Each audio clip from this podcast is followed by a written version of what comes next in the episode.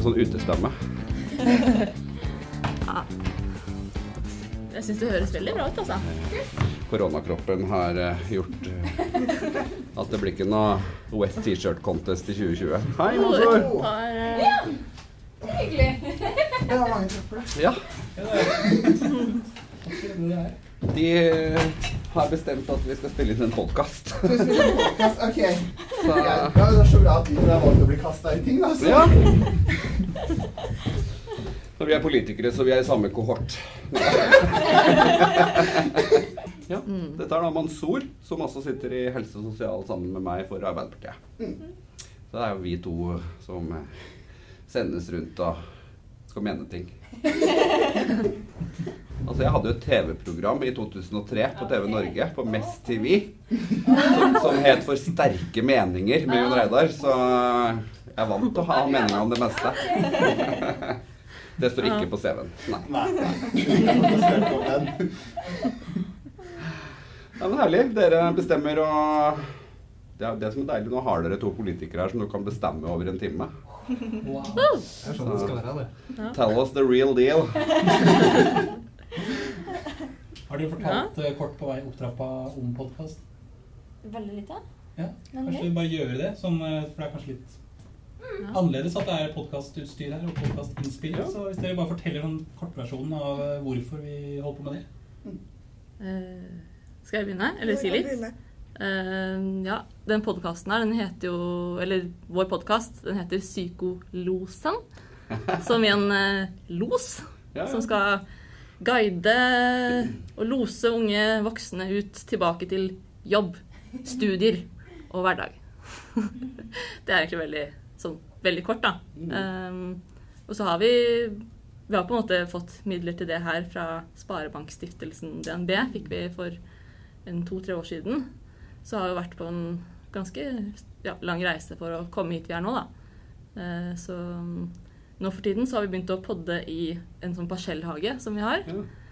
Og der er det jo litt bedre enn her, da, kanskje. På kontoret. Her sånn. Men ja.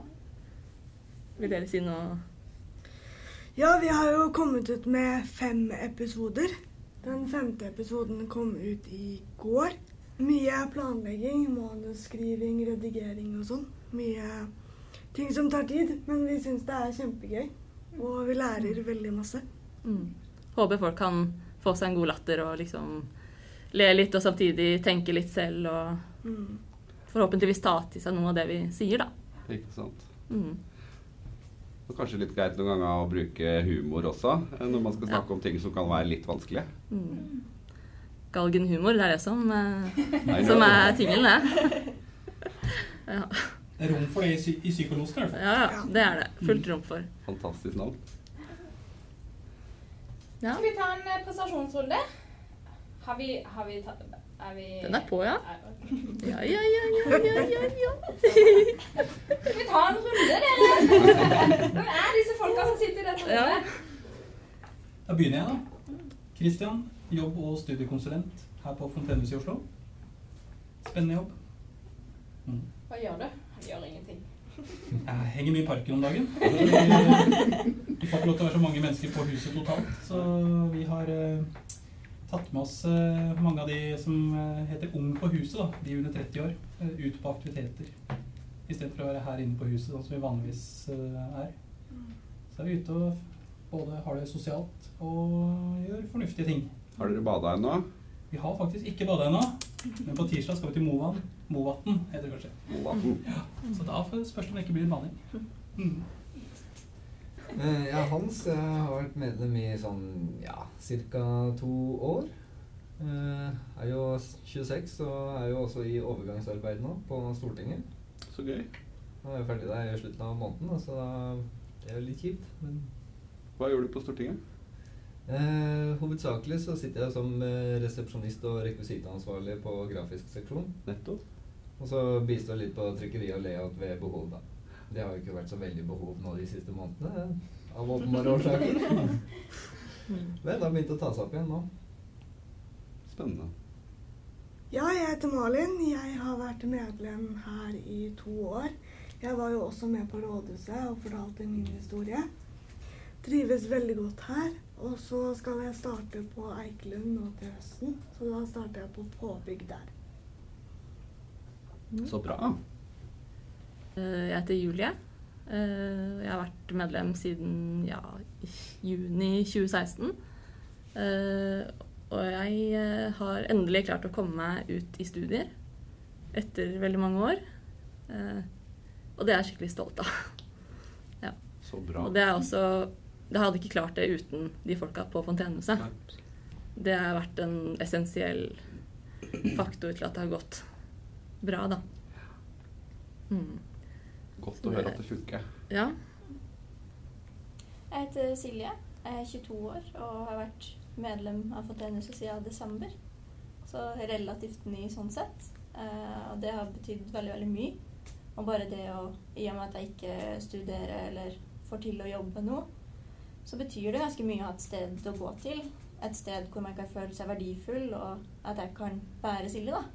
Og syns det er veldig, veldig fint. For det må, nå har jeg jo funnet ut av drømmen min også, og det har betydd veldig mye, da. Nå har jeg tort å prøve, tort å utforske nye ting, fordi jeg vet at jeg har på en måte Fontenehus-familien i, i ryggen min, da. Og det betyr veldig, veldig mye. Så fint. Ja, Bitt heter jeg. Jeg jobber som daglig leder og bruker masse tid på å mase på at politikere skal komme på besøk til oss. Mhm, I know. Ehm, jeg vært her i nesten to år, så um, ikke så lang tid. Jeg kommer fra akuttpsykiatrien og har vært uh, i spesialisthelsetjenesten i åtte år før dette. Um, elsker Fontenehuset fordi det er et sted som ser hele mennesket. Og vi har for få steder, dessverre, i behandlingssystemet i samfunnet vårt der vi ser hele mennesket. Um, og her tror jeg på at det er kun da, når vi ser hele mennesket og er med og backer hele mennesket, at vi liksom får til den rehabiliteringen og får at mennesker blir frista. Så ja, heia Fontenehuset. Ja. mm. Cool. Dere? Skal jeg ta først? Jeg heter Mansour. Jeg er Jeg sier alltid feil alder, for jeg tenker alltid det er yngre enn det jeg er. Eh, men nå er jeg 21. Det er ikke så, det er ikke så høyt ennå. Det går fint. Eh, og jeg sitter i bystyret. Ble valgt inn nå i november. Oktober. Oktober-november. September, ja. Det er noen måneder jeg ikke har fått med meg at jeg kan til bystyret. Kor Eh, Koronahjernen. Litt koronahjerne. Ute og møte mennesker igjen. Det er hyggelig. Jeg sitter i helse- og sosialutvalget sammen med Jon Reidar. Og så er jeg leder av AFI Oslo også. Og vi har møttes før, Silje. Yes, det har vi. det det stemmer. Ja. Så bra. Jeg heter Jon Reidar Øyan. Jeg er eh, den gamle her. Den voksne. Eh, nei da, uh, uff, jeg liker ikke det. Men jeg er 39, eh, så jeg begynner å få en sånn påbegynnende 40-årskrise. Eh, men det skal gå fint, for det har jeg bestemt. Eh, jeg da sitter også i helse- og sosialutvalget sammen med Man- Mansour. Og så er jeg noe som heter for eh, storfraksjonsleder på politikerspråket. Og det betyr at det er jeg som har ansvaret for å koordinere Arbeiderpartiet, MDG og SV sine representanter da, i helse og sosial. Så det er sånn eh, Der også må jeg være litt voksen noen ganger og si at sånn Nei, det går ikke nå. Å sette foten ned. Og jeg er veldig dårlig på å sette foten ned fordi jeg er et ja-menneske og livsnyter. Eh, og Derfor så vil jeg gjerne at vi skal få til alt som er bra. Og så blir det sånn reality check innimellom hvor du får dør, døra i trynet og bare sånn Nei, det gikk visst ikke. Nei, nei vel, da prøver vi igjen neste år. Så ja. Eh, og så er jeg trønder, men det hører man ikke før jeg eh, bestemmer meg for at jeg skal ta tilbake dialekta mi og snakke sånn som vi gjør på heimgården i Snillfjorden i Trøndelag. Men jeg jobba med 29-6-åringer på Bestum skole i 2003. Og når jeg kjefta på de, så sa de bare 'Lærer, lærer, vi forstår ikke hva du sier. Snakk norsk'. Eh, og det ble man litt lei av, kan du si, når man hørte det ganske mange ganger i løpet av en dag. Så da Det knekte dialekta mi.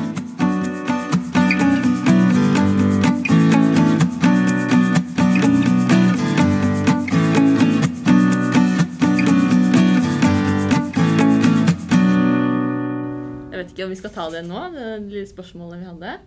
Med Eller skal jeg si det? Vil du ta den? Med kan godt ta den. Uh, For vi har, vi har lagd en liten sånn uh, slags uh, en liten, bitte liten oppgave til deg. For hvis du var helseminister for én dag, du hadde én dag, du hadde alle midler i verden Hva Hæ?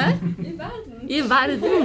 Hva er på en måte din kampsak? Hva ville du gjort for å bedre unge voksnes psykisk helse eller muligheter til å komme seg videre i livet? Ja, det var uh, tusenkronersspørsmålet, det. Ja. Eh, men først, altså Så deilig når man har all den makta, eh, og så synd at man bare har det for en dag. Ja. Eh, men da må man jo være effektiv. Så da ville jeg jo ha tatt med meg Mansour her, og så skulle vi ha klekt ut en plan på en times tid, og så skulle vi begynt å iverksette. Men det er klart at eh, det viktigste hadde jo vært å eh, for det første få satt i gang flere tiltak retta mot ungdom. Eh, og da mener jeg ikke bare etter at man har eh, fått utfordringer med, med psyken, men hvordan kan man på en måte forebygge, så at man ikke havner der at man får eh, psykisk uhelse, da, hvis vi kan kalle det det. Eh, så jeg tror nok at eh, jeg ville ha pøsa ekstremt mye penger inn i og fått eh, ansatt flere i skolehelsetjenesten på skolene rundt omkring. At det skulle vært god dekning, eh, så at eh, man aldri hadde vært nødt til å stå i kø for å komme og snakke med, med skolehelsetjenesten. Og så ville jeg ha ansatt flere psykologer rundt omkring på distriktspsykiatriske klinikker og rundt omkring eh, og i alle bydelene eh, for å få kutta ut alle køene. Eh, fordi sånn som det er i dag, så er det ikke akseptabelt når man er nødt til å stå i kø i mange måneder. Eh, og man har store utfordringer. Eh, Så jeg tror man hadde trengt hjelp kjappere for å rydde i håndveska, sånn som jeg vil si. eh, For å sortere litt. Få litt hjelp til den sorteringa i, i hodet. Eh, og så har jo jeg også blitt en sånn derre svoren fontenehustilhenger altså siden september, når jeg kom inn i bystyret. Eh, og har jo møtt Britt flere ganger, og Fontenehuset eh, Oslo øst. Og har god dialog med de som skal opprette Fontenehuset Oslo sør. Eh, og jeg har jo sett eh, og møtt mange av de som forteller sine historier på samme måte som dere gjør her nå. eh, At det funker, da. Dere har funnet en formel. Jeg har også besøkt Fontenehuset i Stavanger. Og liksom, det er ikke hokus pokus. Altså, det er bare å rulle ut fontenehus rundt omkring eh, i det ganske land. Eh, så får du gjerne supplere meg, Mansour, hvis du tenker på Nå tok du jo absolutt alt av hun her. Jeg liker å ha latt igjen til meg. Jeg skal bare få liksom en checklist, så skal jeg være sånn Nå, da starter vi, da. Så det blir jo mye av det. Men det er jo mye som du sier. Sånn Jeg, jeg, jeg syns vi er for dårlige på å liksom fange opp på skolen allerede. Altså sånn Noen barnehageansatte sier jo allerede at sånn Man kan gå så langt ned, og så ser man liksom sånn Da, da ser den ansatte denne personen kan trenge mer oppfølging, men jeg har ikke, jeg har ikke mulighet til det. For jeg passer på sånn 20 andre i tillegg. Eh, så jeg tror det bare er liksom styrke laget vi har rundt unge folk. da. Og det tror jeg kan, altså En god start hjelper veldig. Så jeg tror det er der vi må legge inn alle penga. Mm. Det er det vi har bestemt oss for. Fjern køene, tror jeg er på en måte sånn første jeg ville ha tatt tak i. På alt sånn der eh, offentlig sektor. Ja. Det var et veldig godt svar. Da. Jeg synes, eh, Du var virkelig inne på noe der. Mm. Men det er jo noe dere ville ha gjort som jeg ikke var inne på. Eh, Når vi først er her, mener jeg, og, og har makta. ja. Vet ikke. Hva med deg, Silje? Hva har du Hvis du hadde hatt én dag? Det er jo egentlig det samme. At man må jo, som du sier, vente veldig veldig lenge i kø. Eh, og det kan være avgjørende, rett og slett. Eh, så jeg hadde nok gjort det samme. Og lagd fontenehus i alle bydeler eller alle, alle kommuner. alle kommuner, Ja. egentlig. Sånn at jeg tenker at det er et tilbud som alle kommuner egentlig trenger, rett og slett. Og ikke bare byer, men også litt ut til distriktene, når vi først er i Trøndelag, blant annet. Så ja. En annen ting jeg ville ha gjort, er at jeg skulle ha tvangsplassert politikerne i alle kommunestyrene rundt omkring på sånne tiltak som det her. Altså sånn fontenehus, og eh, at de hadde vært nødt til å ha en dag på DPS for å se proppen i systemet. Fordi det er jo noe med sånn som Mansour og, og meg, vi, vi vet jo på ingen måte alt. ikke sant? Og du, vi må møte mennesker, vi må se systemet i praksis før vi skjønner på en måte egentlig hvor uakseptabelt det er, da. Eh, og jeg har jo eh, Jeg har en storesøster som eh, har slitt psykisk i mange år.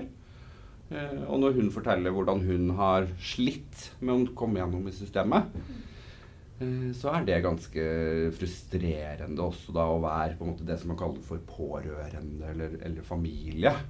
Fordi man vil jo så veldig bare at de skal få hjelp der og da. Eh, og det å se at folk har det så vondt over så lang tid, det er en sånn ting som gjør at jeg blir litt sånn nesten på grineren. Det er jo litt sånn i forhold til det med, altså det, med den smerten som mange går rundt med. Den fortsetter jo, rett og slett. Den kan jo også fortsette å Selv om man da går ut av døra til psykologen. Det er liksom Det er tre kvarter i en hel uke. Og det er alle de andre dagene og timene i resten av uka som, som teller egentlig, da.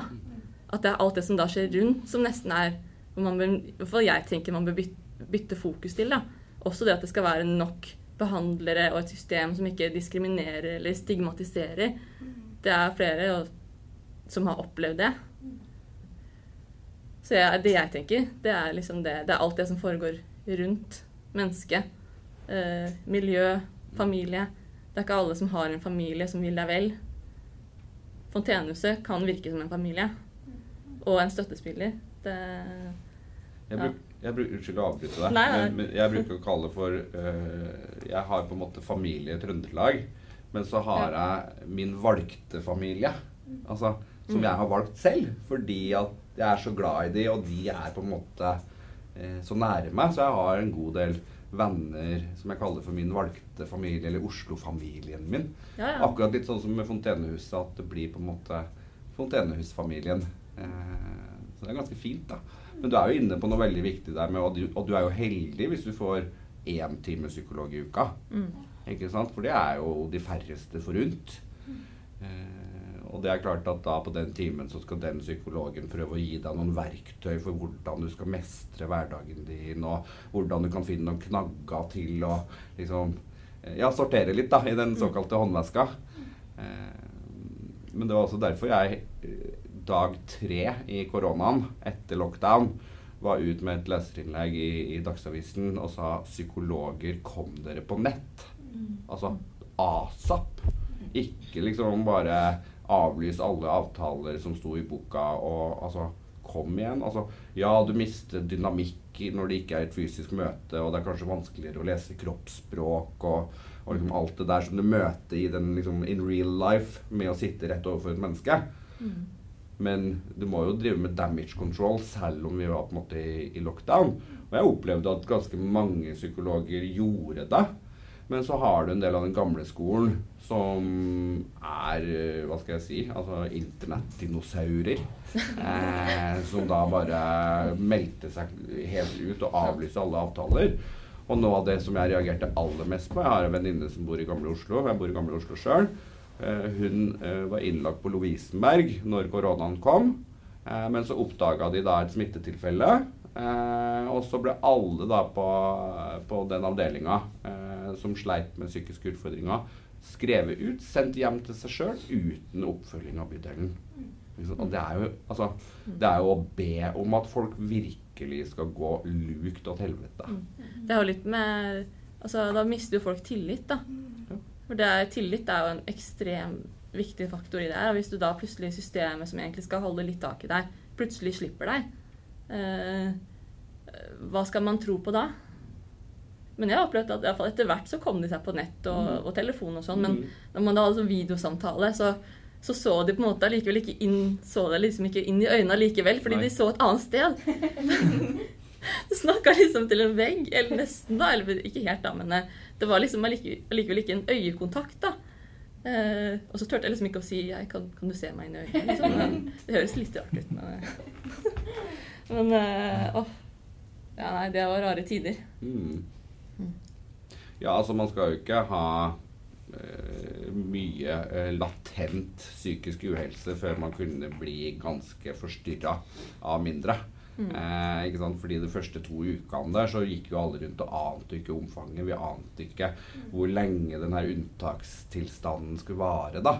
Mm. Eh, så jeg merka jo sjøl også at liksom, jeg bor jo aleine, er singel, eh, og satt der på hjemmekontor og ble jo rett og slett litt sånn derre eh, Altså, jeg begynte å skjønne at jeg var nødt til å begynne å, å gå meg noen turer når jeg begynte å kommentere på kommentatoren på NRK høyt i leiligheten min. Eh, og sa det er jeg faktisk uenig i. Altså, da merker du at sånn, OK, nå nå har vi noen faresignaler her. Ja, det har jo med rutine, da. Alle, alle folk sine rutiner ble jo bare feid under teppet. Eller ikke feid, feid teppet ble feid bort, det kan man heller si. Eh, under beina på folk. Jeg merka jo det at de første ukene så torde jeg ikke å gå utenfor huset i det hele tatt. Og jeg har angst fra før av. Mm. Og da når alle tilbud ble skjøtta ned, og ja, som dere sier, også psykisk helsehjelp Mm. ble på en måte satt på is, så var det jo litt sånn Det var jo skikkelig rart, men etter de to ukene så torde jeg å si fra til Fontenehuset at OK, nå tør jeg faktisk ikke å gå ut. Men den terskelen også be om hjelp kan også være ganske lang. Mm. Men da så var det Mathilde, ei som jobber her, som bare kom og henta Eller hun kom og så sa at Silje, jeg sitter bak i brygge. Veldig hyggelig hvis du kommer og møter meg. Og det var liksom min sånn turn til å faktisk tørre å gå ut igjen og tørre å møte samfunnet igjen. Rett og slett. Så takket være de, så kom jeg meg ut igjen. Og det var jo gull verdt for å ikke gå på veggen til slutt.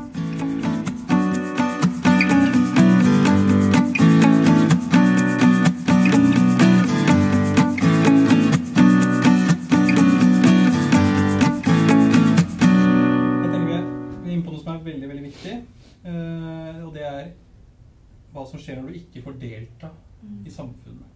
Du har kanskje lyst til å jobbe, du har lyst til å studere, men du får ikke muligheten. Og det, mm, det, det tenker jeg sånn, Vi snakker om at hvis du har én klokketime, da, eller tre kvarter med en psykolog i uka, så alle er liksom helt enige om at det er ikke nok. Det er ikke det som gjør at du kommer deg videre nødvendigvis. Så du må ha noe mer. Og det er på en måte der Fontenehuset kan fylle et sånt mellomrom da, mellom eh, Aktivitet. hjem, utdanning, arbeidsliv. Uh, som jobb- og studiekonsulent så ser jo jeg på utviklinga på arbeidsmarkedet at det blir jo stadig tøffere å få seg jobb. Det er mindre raushet blant arbeidsgivere. Hull i CV-en, ikke fullført videregående opplæring f.eks. gjør at du mister på en måte den inngangsbilletten da, og kan bli gående veldig veldig lenge uten å få lov til å delta. Og alle som jeg møter på huset her, det, det er jo mennesker som kan jobbe, som kan studere. Så lenge de får muligheten. da. Så liksom, vi, vi trenger mer av det derre eh, hjelperne i det mellomrommet, så ikke vi får en stor stor gruppe på arbeidsmarkedet som ikke slipper inn. Det er eh, bekymring.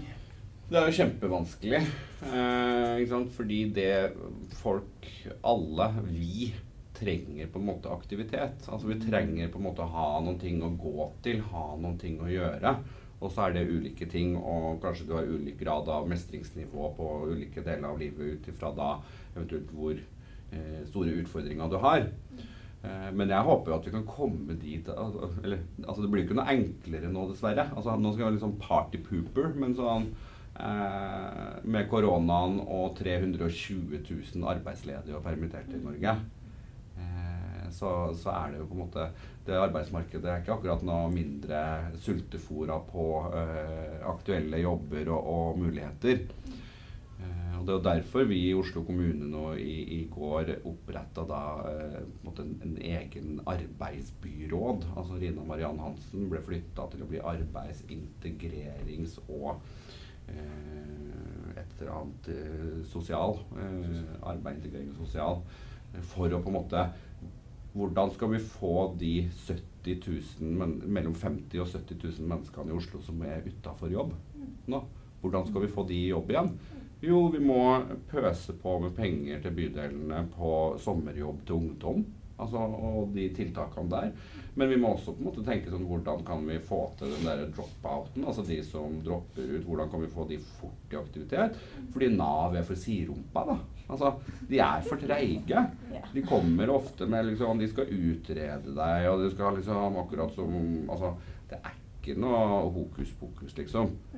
Det kommer en ungdom som har droppa ut, som trenger aktivitet. Du trenger ikke så jæv... Unnskyld. Uh, mer ut, utredning enn det, da. Uh, hvordan skal vi få dette mennesket til å få en betydningsfull hverdag igjen? Uh, men jeg tror litt sånn Jeg har drevet med homokamp i mange år.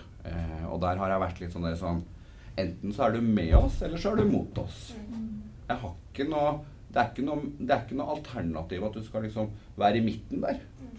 Du må bestemme deg. Enten så er det greit at folk forelsker seg i hvem de vil, eller så er det ikke greit. Hvilken side vil du være på?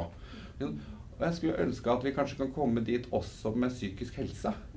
At det er litt sånn derre Sånn som du sier nå, bedriftene, ikke sant. De, er, de kvier seg litt for å kanskje ta inn eh, personer på eh, overgangsopplegg og tiltak og sånne ting. Men samtidig, de bedriftene som gjør det, får utrolig mye positiv oppmerksomhet utad i media. Rema 1000 i Torgata, er det det? Eller nedi der, ikke sant? Eh, som ble årets Oslo-borger, eller hva han ble. Eh, få det til å være litt sånn. Det er sånn Jøss, vil dere virkelig være en bedrift som ikke skal ta et samfunnsoppdrag? Å ja, så det er bare ut etter pengene våre? Jo, vær litt mer sånn konfronterende og litt mer sånn tøffe. Jeg er enig at det kan være litt sånn vanskelig å på en måte gjøre debatten også veldig sånn konfronterende. Men er det noe vi som har drevet homokamp har lært oss, i hvert fall, er at det har fått oss dit vi er i dag. Og vi hadde ikke kommet dit så fort om det ikke var for det. Nå husker vi at homofili var en sykdomsdiagnose fram til 1990 ifølge Verdens helseorganisasjon. Jeg har vært sjuk, i ni år av mitt liv. det, det, du sier da, er jo at eh, det er holdningsendringer. Altså endring i folks holdninger og rett og slett ja, Det er vanskelig å forklare liksom akkurat helt, men holdninger. But let me quote Elvis. Yes, a little less conversation, a little bit more action. Ja. Altså, Det for det er det det- det handler om. Fordi du har helt rett, vi må endre holdningene. Men det er noe med at sånn, sånn Ja, altså hvis du ikke er villig til å gjøre noe med det, så altså Slutt, slutt deg tjåta. Altså, er sånn, det kommer masse fine ord. Og så veit jeg at jeg legger et vanvittig stort press på Mansour og meg nå med å si dette. For det, vi som politikere vi må også prioritere og liksom hva bruker vi penger til og sånn. Eh, men, men det er klart at man eh, Hvis man ikke har de grunnleggende gode holdningene og verdiene, så er man jo heller ikke villig til å ta de tøffe valgene. Eh, og prioritere, da.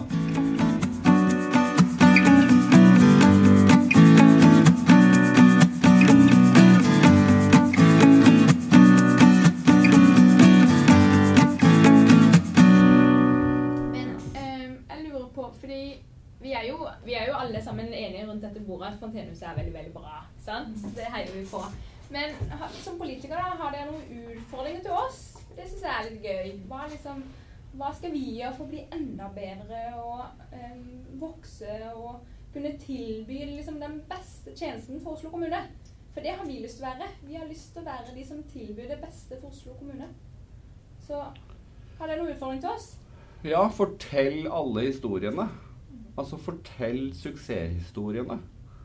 Eh, dere er ganske gode på det, men fortsatt mer å gå på. Ikke sant? Fordi det er den type resultatkommunikasjon som vi politikerne lytter til. Vi må se at de pengene vi bruker på tiltak, gjør at eh, tiltakene funker, og livet til de som har blitt bedre. Så disse historiene er jo det som gjør inntrykk på oss politikere. Og så skjønner jeg også at uh, man prøver og feiler, og, og at vi er ulikt skrudd sammen. Og for, altså, du kan ikke på en måte si at sånn, dette tiltaket skal passe på alle. Eh, fordi vi er forskjellige inni oss, da. Eh, men men sant, det er jo noe med at til syvende og sist også, så når dere skal oppsummere resultatene dere oppnådde i løpet av et år, så er det klart at når vi bruker penger, så har vi også en forventning om på en måte hvor mange man kanskje skal ha klart å hjelpe, da. Men så tenker jeg ikke nødvendigvis at suksessraten er at vedkommende bare har gått over i jobb. Men det er jo eh, Så kanskje, kanskje dere skal Kanskje både Oslo kommune og dere må endre de derre indikatorene som vi rapporterer på, på om et tiltak er vellykka eller ikke. Fordi det er ikke nødvendigvis sånn at eh, du da eh, kanskje hadde eh, At det riktige for deg hadde vært å få eh, en jobb. Kanskje hadde du vært på et annet sted i livet hvor det hadde vært viktigere for deg å, å bygge opp på en måte en trygghet inni deg til å eh, faktisk håndtere hverdagen, møte mennesker. Eh, og så kommer på en måte den her eh, andre type aktiviteten til studier og jobb liksom, i andre rekke.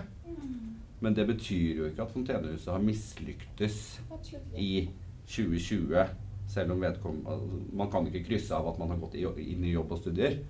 Så det er litt sånn utfordring egentlig til oss, til oss alle. Eh, fordi vi blir så utrolig fokusert på eh, x antall prosent. Jeg husker i møtet du var på Rådhuset, jeg spurte deg liksom sånn Ja, men hva er prosenten på hvor mange har dere klart å få i jobb? Og så har jeg tenkt ganske mye på det etterpå. Og liksom innsett hvor, hvor teit det spørsmålet egentlig var, da.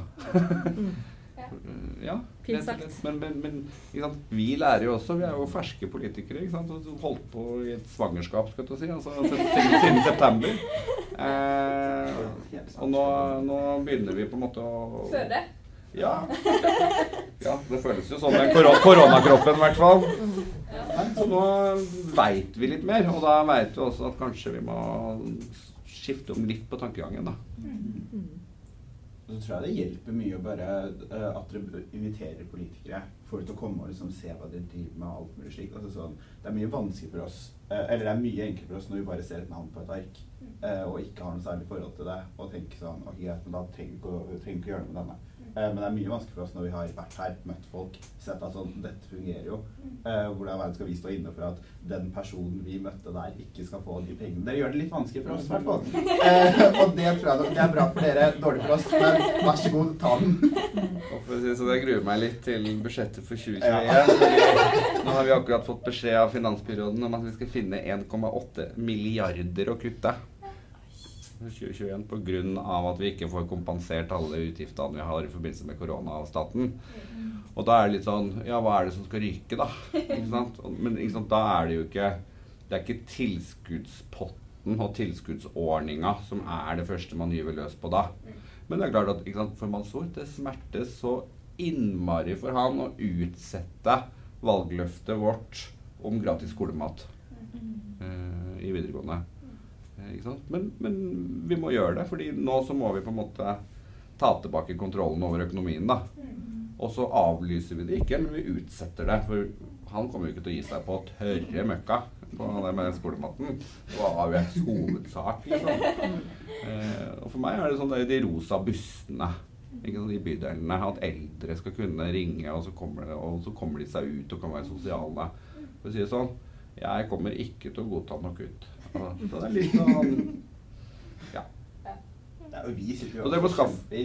Altså, vi sitter jo også og er sånn Nei, ja, men sånn, kan ikke kutte hos oss. Det er jo ikke, det er jo ikke her, her. Men hva, hva med liksom litt på sånn Det er miljøtiltak. Liksom. Kanskje kutte sånn Kanskje vi ikke skal bygge den tingen der. Sant? Sånn, skal vi ta de pengene? Kanskje vi ikke skal bruke så mye på kunstnerisk utsmykking av offentlige bygg. Kanskje vi skal droppe den statuen i år.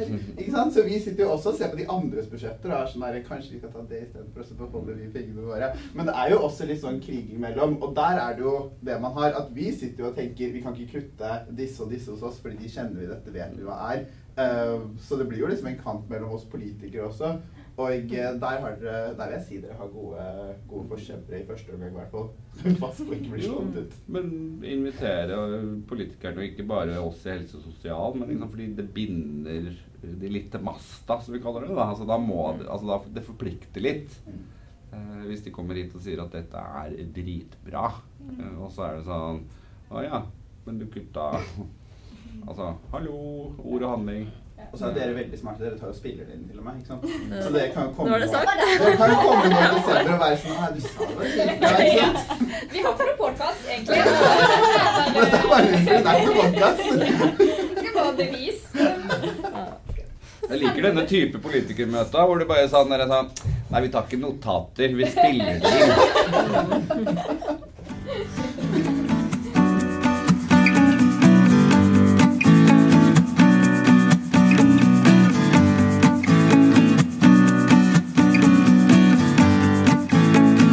Men eh, jeg har også tenkt, tenkt mye på det du sa nå i stad, med det Altså, du kan ikke måle om jeg har det bra med meg selv og alt rundt med tall.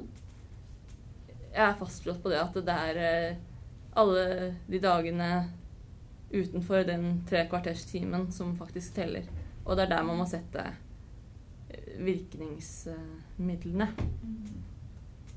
Ja. Det er min kampsak. Og det er på Ja. en måte også i forhold til det med psykisk helse at, at det er lett å bare Er man symptomfri en liten periode, så er det lett å bare Å ja, men noen andre trenger da mer enn det. Mm. Og tenker på en måte ikke på så mye kanskje på tida etter. Og hvor viktig det er da å ha f.eks. fontenehus som kan fange, eller fange deg opp og se hele deg. Og på en måte Ja, det blir jo som en familie. Mm. Jeg møter jo her nesten hver dag og møter gode folk som har tatt meg videre i livet. da. Mm. Og som også da bidrar til at jeg kanskje en gang kommer ut i skole og jobb igjen. Fordi da vet jeg at å ja, men jeg har de fortsatt i ryggen. For det er det som er så kult med Fontenehuset, at det er livslangt. Hvis man har lyst. Og det synes jeg er litt godt å vite at å ja, men jeg har jo fortsatt folka her, selv om jeg skulle komme ut i jobb og studier igjen. Jeg tror, jeg tror det er nettopp det du sier nå, Silje. Som jeg, jeg har også tenkt på det siden jeg liksom kom inn og nå har vært et svangerskap i politikken. Eh, Det er jo den derre Vi som kommune og som politikk er altfor dårlig på det å tenke på at du er ikke nødvendigvis ferdig med en gang de her indikatorene våre sier at sånn her er det grønt lys. Eh, sånn, det er ikke bare sånn Ok, nå har du fullført disse kriteriene, da bare kutter deg ut, nestemann inn.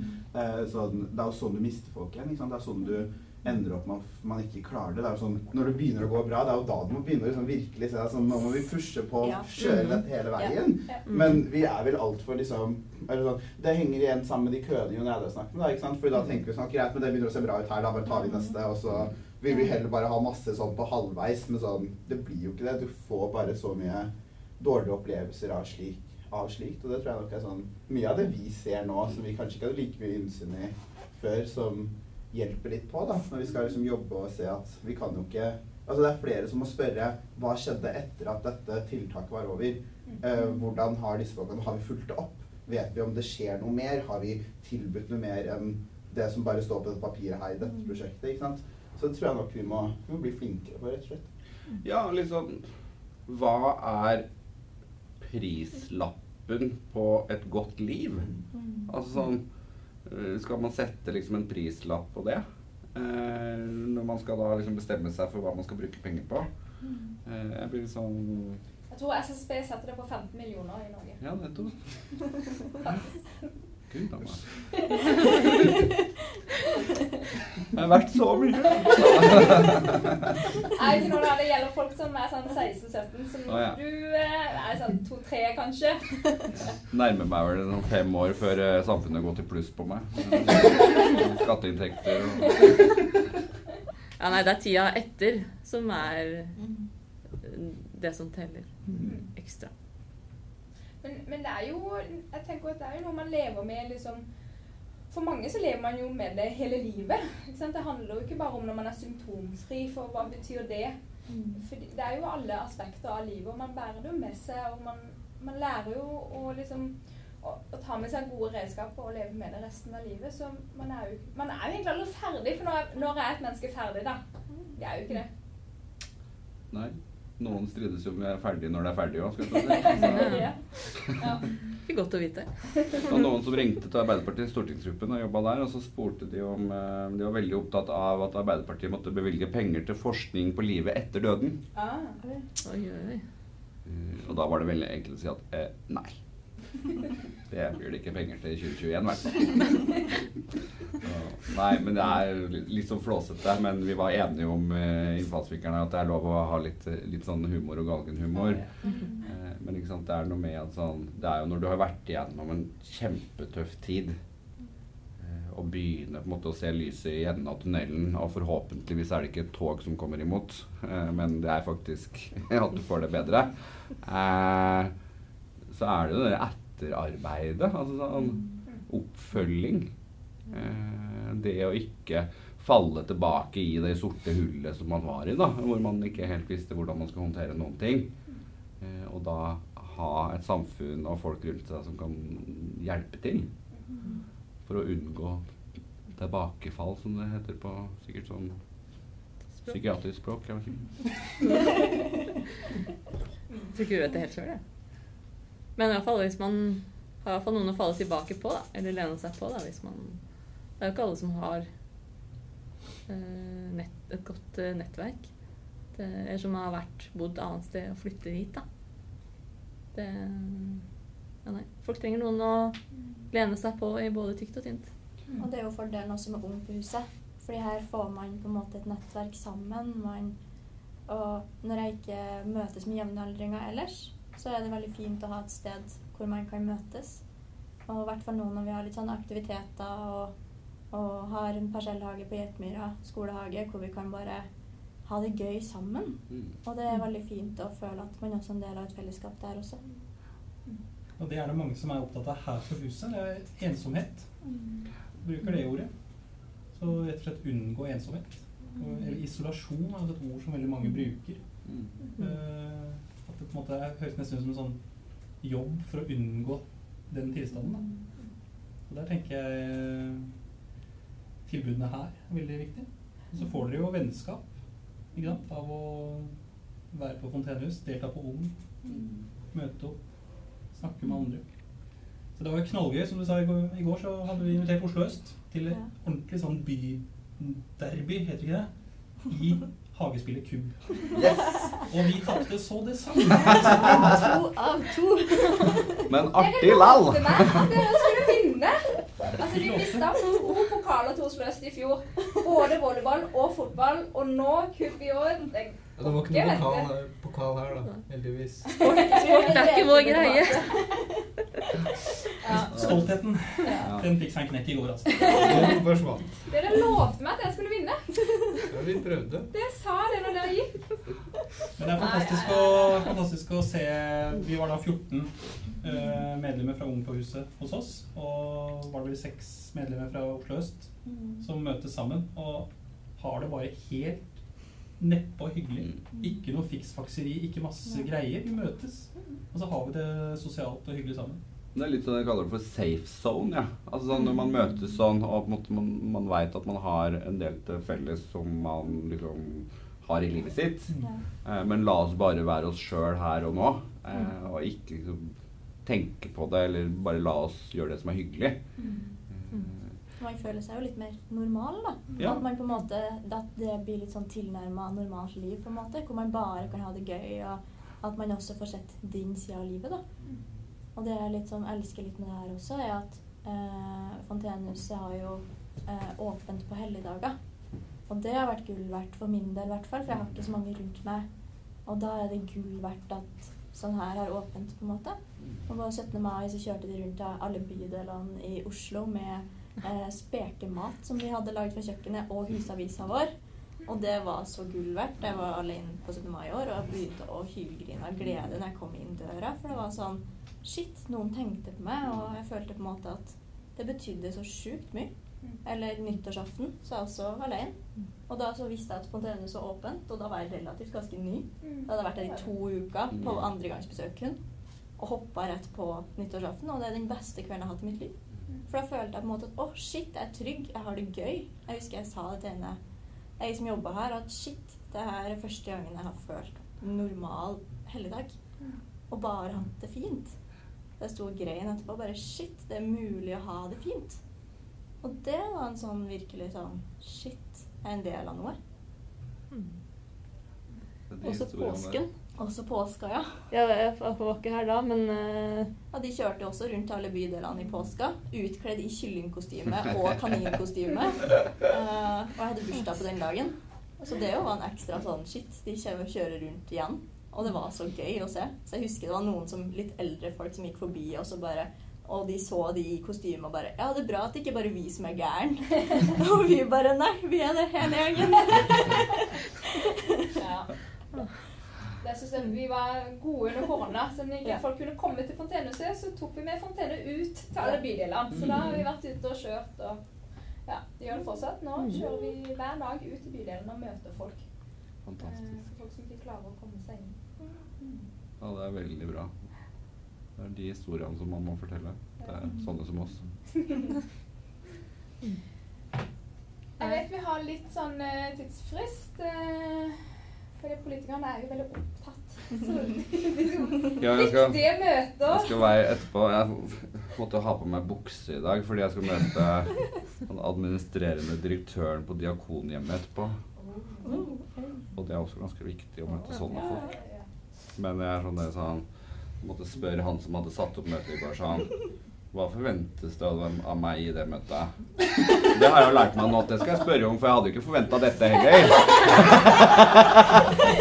Den eneste forventninga jeg har forberedt meg på til neste møte, er at jeg har på meg bukse. Ja, nei, Man vet aldri hva som kan eh, skje. Jeg syns jo dette var et helt strålende konsept. Ja, så Altså sånn veldig gøy. Og så blir det litt sånn Man kan bruke litt tid på å tenke og få hjernecellene i gang, selv om det spilles inn. Eh, og så er det litt vanskelig, fordi koronahjernen min er på sånn ca. 40% tror jeg, av sånn optimal kapasitet. Altså det er sånn dere sånn Jeg har blitt så glemsk, jeg. At det er sånn Jeg sender en snap til noen av et eller annet, og så går det to timer, så svarer de kanskje og bare sånn og så, hva, hva er det du svarer på? For da husker jeg ikke hva jeg sendte. Altså, det er altså helt spesa. 40% er ganske bra, altså. Ja. Ja, det er det. Men det kan vi jo alltid bruke mot deg, da. Når du, nå som du sier at du liksom er glømsk, så kan vi alltid bruke mot deg at eh, Men det lovte du jo sist du var her. Så Da. Ja, Ja. da sier vi det. Vi er enige om at vi får full bevilgning i 2021. Og det er god stemning. Ung på huset blir. Det er, ja. Nå ser vi jo Nærvær gå inn i den der storfraksjonslederrollen hans. Da han begynner å bli sånn Dette kommer til å bli bra. Mm, takstameteret går. Men sånn, skal vi se, skal vi se Nærmer vi oss en sluttsum her? Nei da. Men uh, fra spøk til alvor også, da. Ikke sant? Og forventningsstyringa og den der partypuppinga som jeg var inne på, med de midlene vi skal kutte. Altså, jeg tror de aller fleste organisasjonene dessverre for 2021 må belage seg på at man eh, hvis, Altså Vi kommer til å kjempe for at det skal unngås kutt. Men jeg tror realismen i å få mer penger enn det man eh, fikk for 2020, den tror jeg er så å si nesten dessverre ikke eksisterende. Altså sånn, bare, sånn, bare for å ha sagt det. Vår jobb nå er, går på å unngå å kutte til organisasjonene pga. at denne pandemien ble jævlig dyr. Og den er ikke over ennå. Så bare sånn Seigt svar, du renner deg inn der. Ja, men ja, Det er bare kjipt, men sant, da. Og det, er, liksom, det irriterer meg masse. Fordi ikke sant, sånn som Mansour og jeg har jo Vi reiser jo rundt og har lyst til å liksom sette i gang nye prosjekter og tiltak. Og så møter vi da finansfolka våre som sier nei før de sier hei nå. Eh, Det er sjelden godt å møte finansfolk. men Det er stort sett sånn Dere har brukt for mye. Mange Mansour jeg kommer, og de bare Nei! Ja, men da bare snur du døra og går inn. Vi får ikke noe annet. Så vi skal gjøre alt vi kan for å unngå kutt. Og hvis det blir pluss, så er det en bonus. Det er litt sånn på huset her også. Når folk kommer med kvittering, så sier jeg altså sånn Nei. Så dette med tilgivelse og tillatelse altså, Har du spurt om dette? Nei, men du satser på at det går greit? Sånn, Ja. Så det er, så er litt streng, men så går det over, da. Det går over. Ja, det går over. Nei, er klokka slagen? det nærmer seg. Ja, så. Vi runder av podkasten, da. Jeg er Ikke, jo kanskje vi skal takke for besøk og sånn. Ja. Det er høflig, er det ikke det? Veldig hyggelig å få lov til å komme, som politikerne bruker å si. ja nei, sjekk ut uh, Psykolosen på både Spotify, iPhone Podcast eller Google Podcast. Og hvis du ikke gjør det, så er du mot, og ikke med. Og ikke med. Hey! Hey! Hyggelig å få komme. Ha det bra.